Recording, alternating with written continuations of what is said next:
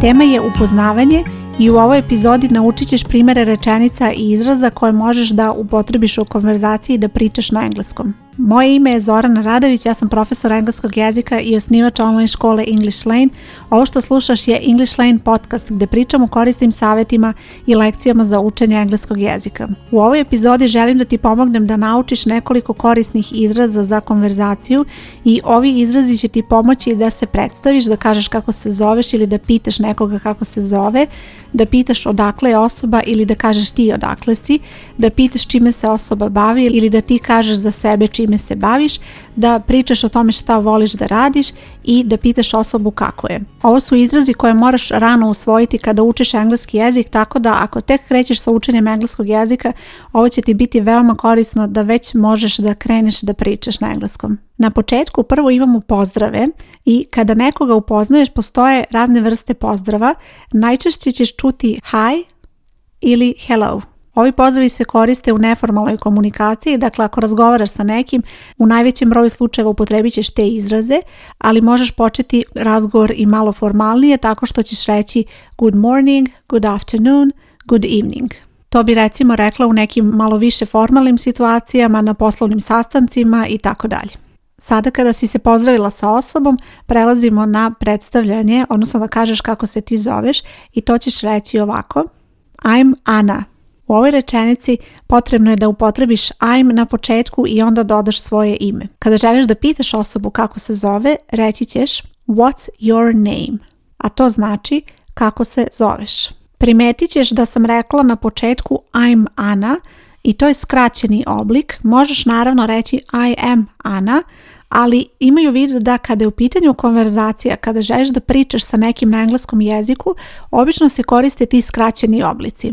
I zato je to nešto što ćeš učiti kada učiš engleski jezik i kada počneš da učiš engleski jezik, učit ćeš i pune oblike, ali učit ćeš i te skraćene oblike baš zbog konverzacije, jer to je nešto što ćeš i čuti kada slušaš neki razgovor na engleskom ili recimo gledaš neki film, vrlo često ćeš imati priliku da čuješ baš takve skraćene oblike. Prvo si se predstavila na engleskom engleskom, onda si pitala osobu kako se zove i nakon tog odgovora ćeš biti u situaciji da kažeš rečenicu drago mi je što sam te upoznala i to ćeš reći ovako.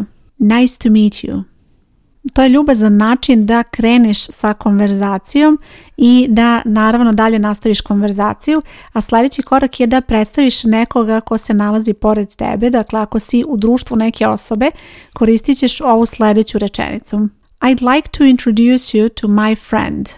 To znači želim da te upoznam sa mojom prijateljicom i tu naravno možeš dodati i ime. Možeš reći ovako I'd like to introduce you to my friend Emma. Dakle, samo sam dodala ime na kraju ove rečenice i onda ta rečenica ima značenje želim da te upoznam sa mojom prijateljicom Emom. Ovu rečenicu koristiš kada želiš da predstaviš nekoga ko se pored tebe nalazi. Sljedeće što možeš očekivati da osoba kaže je pitanje where are you from? Ovo pitanje znači odakle si i ti odgovaraš na sljedeći način. I'm from Spain. To znači ja sam iz Španije. U ovoj situaciji koristiš glagol to be u ovom skraćenom obliku I'm, zatim sledi from i onda dodaješ ili grad ili zemlju odakle si. Sljedeće pitanje je vezano za ono čime se osoba bavi i pitanje koje možeš postaviti u toj situaciji ili koje možeš očekivati da ti neko postavi glasi ovako. What do you do? Obrati pažnju, ovdje ću upotrebiti present simple i vrlo je bitno da to bude present simple. What do you do? Drugi način da postaviš ovo isto pitanje je ovaj. What do you do for a living? Oba ova pitanja možeš očekivati kada neko želi da te pita čime se baviš i pitanje i znači to čime se baviš. Naglasila sam da je ovdje vrlo bitno da upotrebiš vrijeme present simple zato što ako upotrebiš present continuous what are you doing, onda potpuno menjaš značenje. Ovo pitanje više ne znači čime se baviš, već šta radiš, odnosno šta osoba radi u ovom trenutku i tada ne pitaš za zanimanje te osobe. Zato je vrlo bitno da napraviš razliku, iako je isti glagol do upotrebljen prvo u sadašnjem vremenu present simple, a zatim isto u sadašnjem vremenu present continuous, Značenje je na engleskom potpuno različito i zato je vrlo bitno da zapamtiš tu razliku. Kada želiš da postaviš pitanje čime se neko bavi, odnosno šta je posao te osobe, na engleskom se koristi present simple. What do you do? Odgovor na ovo pitanje je vrlo jednostavan, opet ćeš koristiti glagol to be, I'm, onda ćeš upotrebiti neodređeni član a e ili an i zatim dodaješ naziv zanimanja i tako možeš reći I'm a doctor ja sam lekar. Ako reč za zanimanje počinje samoglasnikom, onda ćeš upotrebiti an. I'm an engineer. Ja sam inženjer. U toj situaciji koristiš an.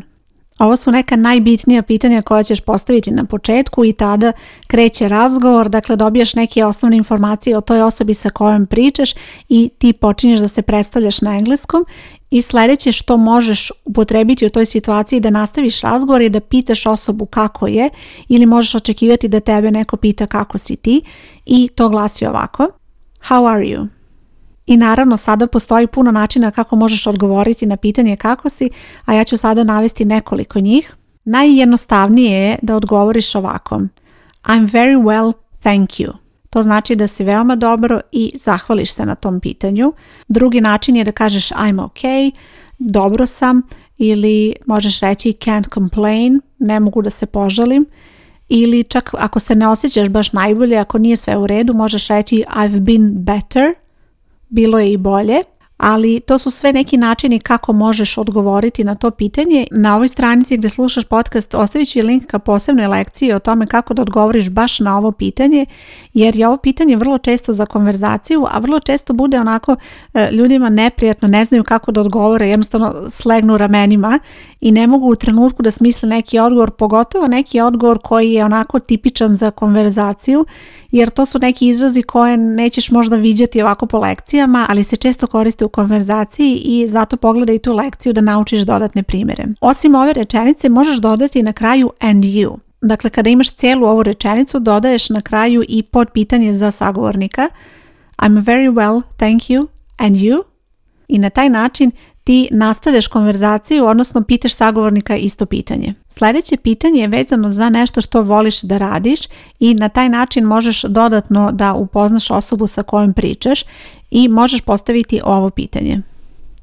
What do you like to do in your free time? Šta voliš da radiš u slobodno vrijeme? Ovo je pitanje koje možeš da očekuješ u neformalnoj konverzaciji ili recimo čak kada je u pitanju poslovna sredina možeš ga očekivati na razgovoru za posao, kada pričaš na engleskom možeš očekivati ovakvu vrstu pitanja ili preformulisat ću postoji i drugi način kako možeš postaviti slično pitanje. Do you have any hobbies? da li imaš neke hobije. Tako da ako si u situaciji da ti intervjuišeš nekoga ili da ti učestvuješ na nekom intervju, ovo je jedno od pitanja koje možeš da očekuješ. A sada poslušaj i kako da odgovoriš na ovo pitanje. I like reading. Volim da čitam. Sada ću ti dati jedan savjet, pogotovo ako si početnik kada je u pitanju učenja engleskog jezika.